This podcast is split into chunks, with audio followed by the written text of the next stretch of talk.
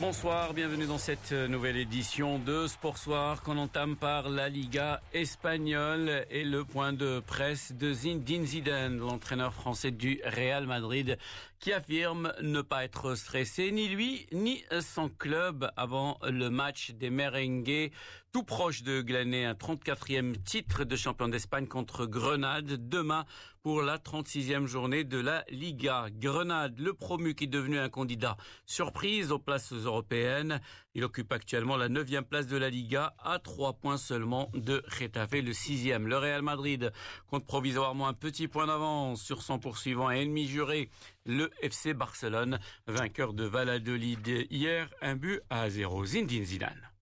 Non, je pense pas. Je, je pense pas qu'il y ait plus de stress que ça. Je pense qu'il y a un stress naturel, mais euh, qui, qui est aussi euh, obligatoire parce que parce que c'est ce qui nous amène à, être au Real Madrid et, à faire ce que l'on ce que l'on aime faire, c'est-à-dire être entraîné ou, enfin, entraîné ou jouer. Je pense pas qu'il y a quelque chose de particulier à avoir. C'est une dernière semaine à avoir. On a trois matchs à jouer, trois matchs à finir et, euh, notamment euh, celui qui est pour moi le, plus important euh, et, toute notre énergie doit se tourner vers, vers simplement le, le match ce match contre Grenade demain à 21h heure marocaine.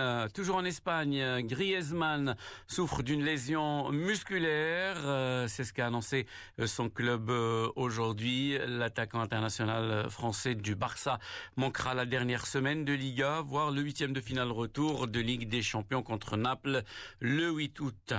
Et puis en France, le Paris Saint-Germain souhaite prolonger Kylian Mbappé sous contrat jusqu'en juin 2022. C'est ce que rapporte aujourd'hui le quotidien sportif. L'équipe, l'équipe qui assure que le club parisien souhaite absolument prolonger le champion du monde français pour ne pas arriver dans une situation délicate l'été prochain. La donne est quelque peu différente pour Neymar, le Brésilien de 28 ans acheté 222 millions d'euros au Barça et qui pourrait être vendu l'été prochain en cas de belle offre, à moins que les deux parties, après une saison réussie, ne trouvent un terrain d'entente pour une prolongation de contrat.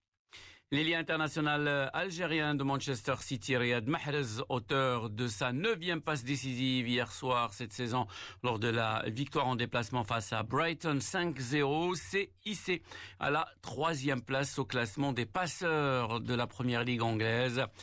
Mahrez qui rejoint à la troisième place l'écossais Robertson de Liverpool, l'Égyptien Mohamed Salah de Liverpool aussi, l'Espagnol David Silva de Manchester City, le Sud-Coréen Song de Tottenham et l'Espagnol de Wolverhampton Adama Traoré.